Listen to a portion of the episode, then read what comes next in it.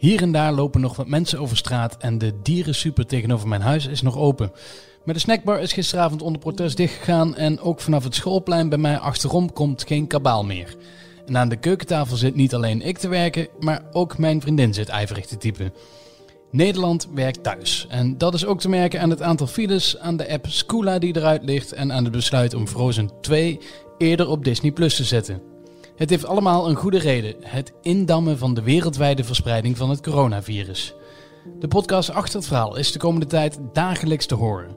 Elke dag praat ik, Kevin Goes, met verslaggevers, redacteuren en correspondenten van onze krant om de laatste ontwikkelingen rond het virus met hun en met jou door te nemen. Vandaag praat ik met Frank Poorthuis, adjunct hoofdredacteur van deze krant. Hij zit vrijwillig al langer in thuisisolatie vanwege longklachten. En ook hoor je Sanne Riepema, die op vakantie is in Marokko en hals over kop terug moet komen. Daarnaast spreek ik met verslaggever Niels Klaassen over de nieuwste cijfers. We beginnen met het laatste nieuws. Daarvoor heb ik contact met Niels Klaassen. Niels sprak naar aanleiding van de nieuwste aantallen, 24 doden en 278 nieuwe vastgestelde besmettingen, met viroloog Ab Osterhaus. Ja, de RIVM is uh, net naar buiten gekomen met die cijfers. Uh, zijn inmiddels 24 Nederlanders overleden aan de gevolgen van het, uh, van het virus. En uh, het is ook de grootste toename van het aantal positieve tests tot dusver. Tot uh, 1400 ruim nu. Mensen bij wie vastgesteld is dat ze het coronavirus hebben. Een stijging van, uh, van bijna 300. Ja, dat is fors. Alleen het is niet onverwacht, zegt de viroloog Ab Osterhaus bijvoorbeeld. Hij zegt, ja, dit is wat je verwacht. de aantallen nemen, nemen, nemen toe. En hij vraagt zich af, hij zegt, we hebben nu een golf gehad. Hè? Carnaval in Brabant, zo vermoedt hij, is de eerste golf geweest. Hij zegt, ja, hoe groot is de tweede golf? Dat is de vraag. Ja, hoe kan het dat hij al over golven praat? Dat hij al ziet van, er komt nu uh, al een tweede golf aan? Ja, hij, uh, hij weet wat hij zegt. Hè? Hij weet hoe uh, virussen zich kunnen verspreiden en hoe snel het nu ook gaat. Dat zien we wereldwijd. De grafieken die iedereen angstvallig in de gaten houdt, die zijn wel bekend. Hè? Die, die staafdiagrammen die maar oplopen in China, Italië, Iran.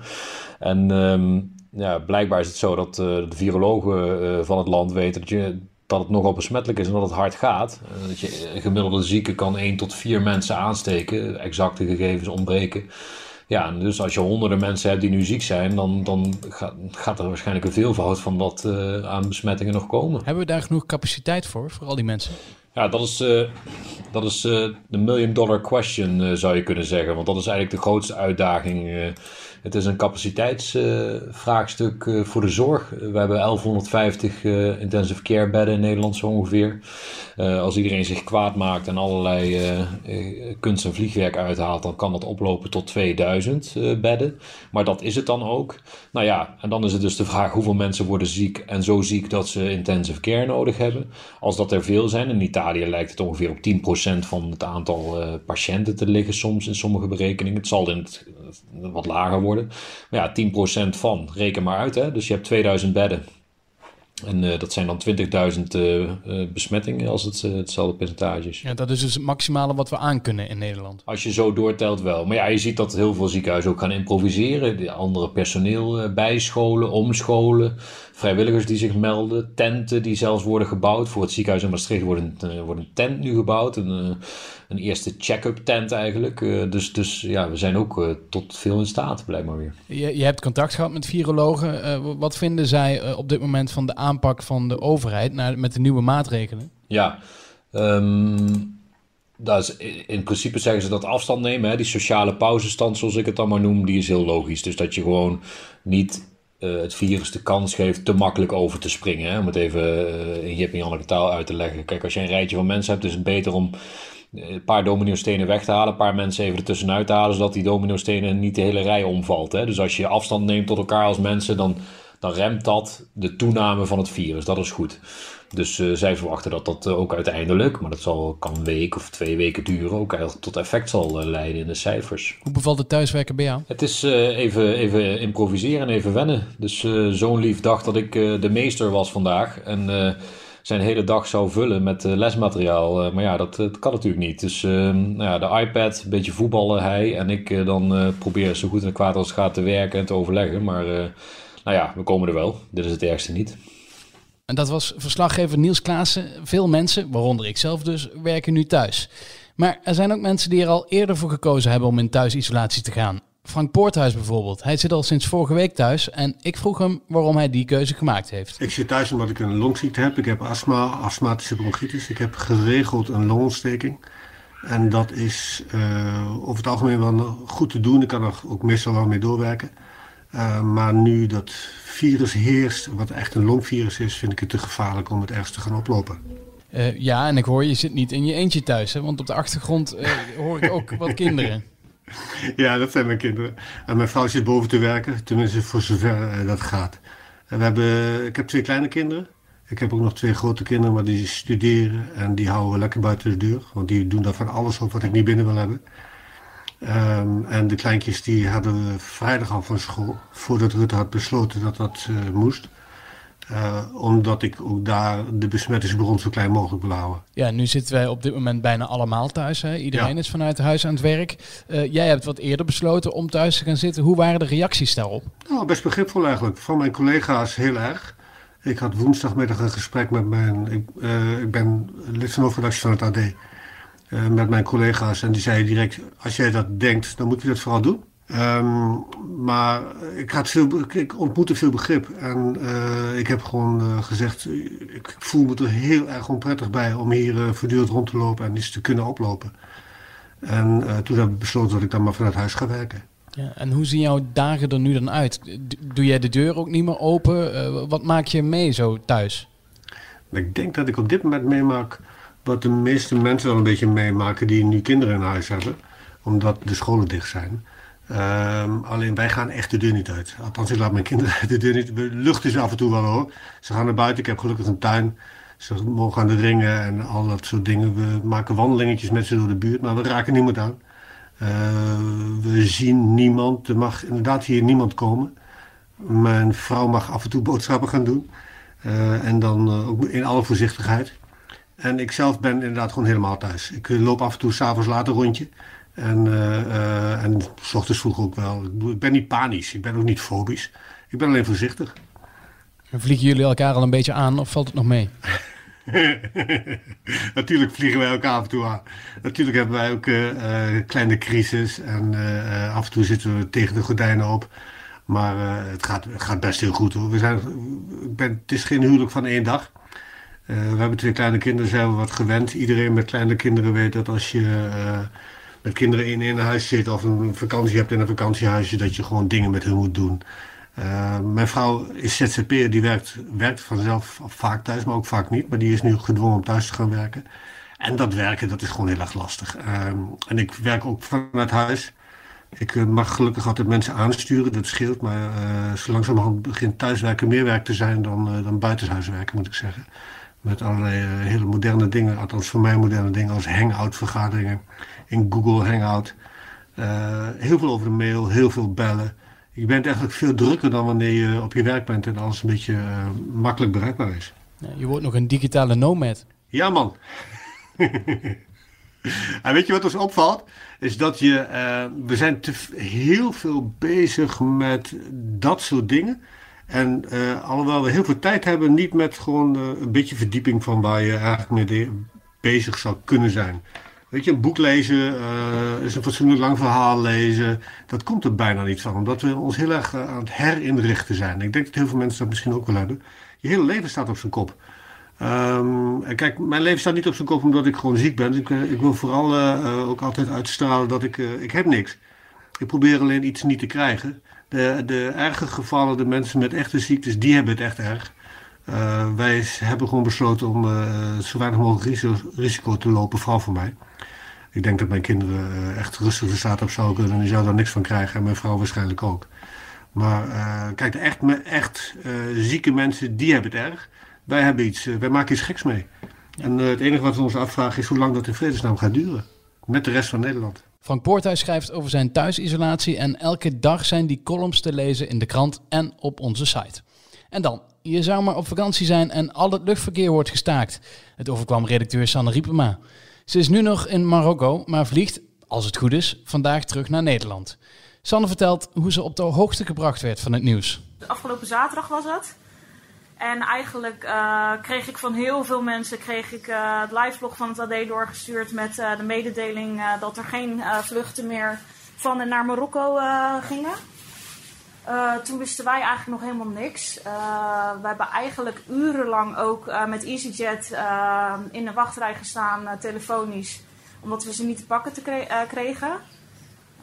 Ik snap het natuurlijk ook wel, want zij worden natuurlijk overspoeld met alle toeristen die, die hiervan op de hoogte gesteld werden. Dus uh, we hebben echt gewoon heel veel moeite moeten doen om EasyJet uh, überhaupt uh, te, te, spreken te krijgen. En toen hebben we uiteindelijk een soort chatbot um, die dan tegen ons zei van de vlucht is geannuleerd. Maar toen kregen we een hele standaard melding van je mag wel een, um, een hotelovernachting bij ons declareren. Maar goed, daar schoten we helemaal niks mee op, want we wisten helemaal niet tot welke periode de vluchten allemaal gecanceld waren.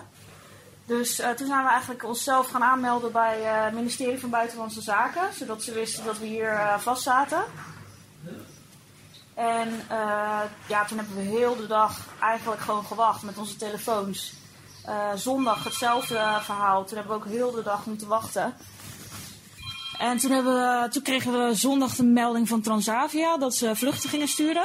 Dus toen hebben we eigenlijk de website van Transavia opengezet. En iedereen van ons, we zijn met z'n vieren, iedereen van ons die had een andere route openstaan op zijn telefoon. Dus uh, ik was Marrakesh, uh, we zitten trouwens in Agadir. Maar ik heb de route Marrakesh-Amsterdam open gehad. En vrienden van mij hebben, hadden Marrakesh-Frankrijk open, of uh, Marrakesh-Parijs open. En zo hebben we eigenlijk de website de hele dag zitten verversen. Net zolang totdat die vluchten verschenen. Maar soms dan verschenen de vluchten en die werden er weer uitgehaald. En soms uh, kon, je er, kon je dus wel gaan boeken. Maar dan werd je er bij de betaling werd je er weer uitgegooid. Dus het was eigenlijk net alsof we concertkaartjes uh, wilden bemachtigen. Uh, ja, iedereen sprong erop natuurlijk. En er zitten tienduizenden Fransen ook nog in dit land. Duitsers, Nederlanders. en iedereen probeert maar om een vlucht te boeken naar ja, waar het kon. En waar het kon was Parijs, Londen en naar Amsterdam was er nog maar één vlucht beschikbaar. Dus die was ook razendsnel uitverkocht. Dus dat, waren onze, dat was ons weekend.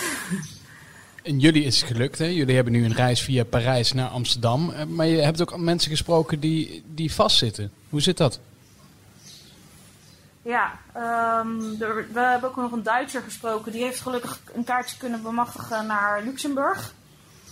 Uh, Zwitserland is ook dicht gegaan. Dus er zitten hier nu heel veel uh, Engelsen trouwens ook. Die kunnen ook niet meer terug. Uh, en voor hen is het gewoon wachten totdat de overheid iets regelt. Uh, of dat er afspraken worden gemaakt met het ministerie hier. en dat ze, dat ze vluchten kunnen sturen om, om de mensen op te halen. En wat ik vanmorgen ook begreep was dat Air France KLM ook alles aan de grond houdt. Maar bijvoorbeeld EasyJet probeert wel weer uh, vluchten deze kant op te krijgen. Kun je iets, iets vertellen over, over de chaos die er dan nu heerst in, in Marokko?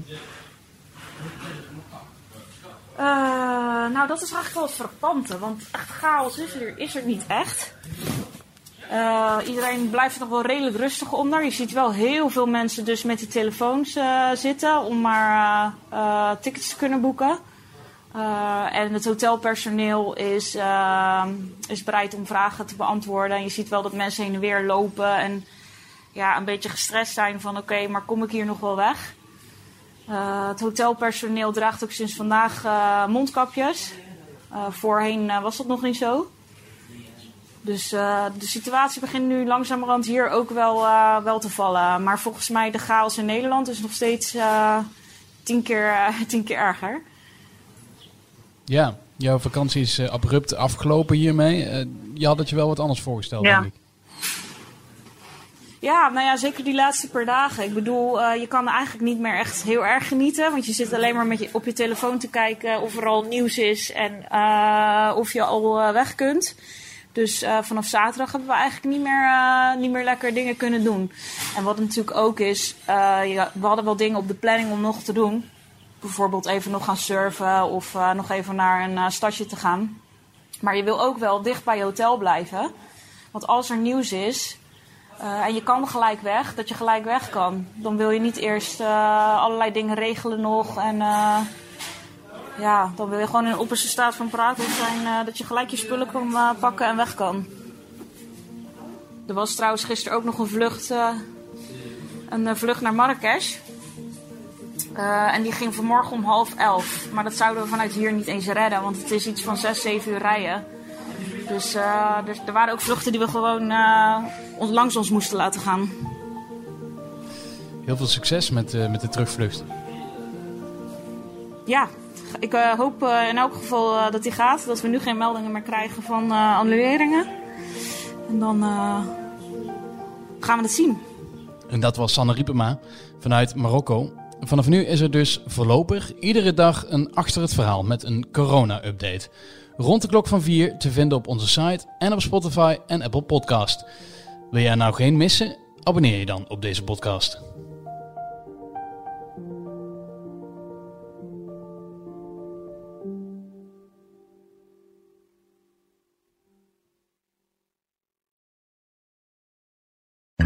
Wereldnieuws gaat ons allemaal aan. Maar als het nieuws gaat over je stadje, je buurtje of je straatje, dan voel je, dit raakt. Daarom lees je in het AD alles over het nieuws in de wereld, Nederland en jouw regio. Download nu de AD-app en mis nooit wat voor jou belangrijk is. AD, altijd dichtbij.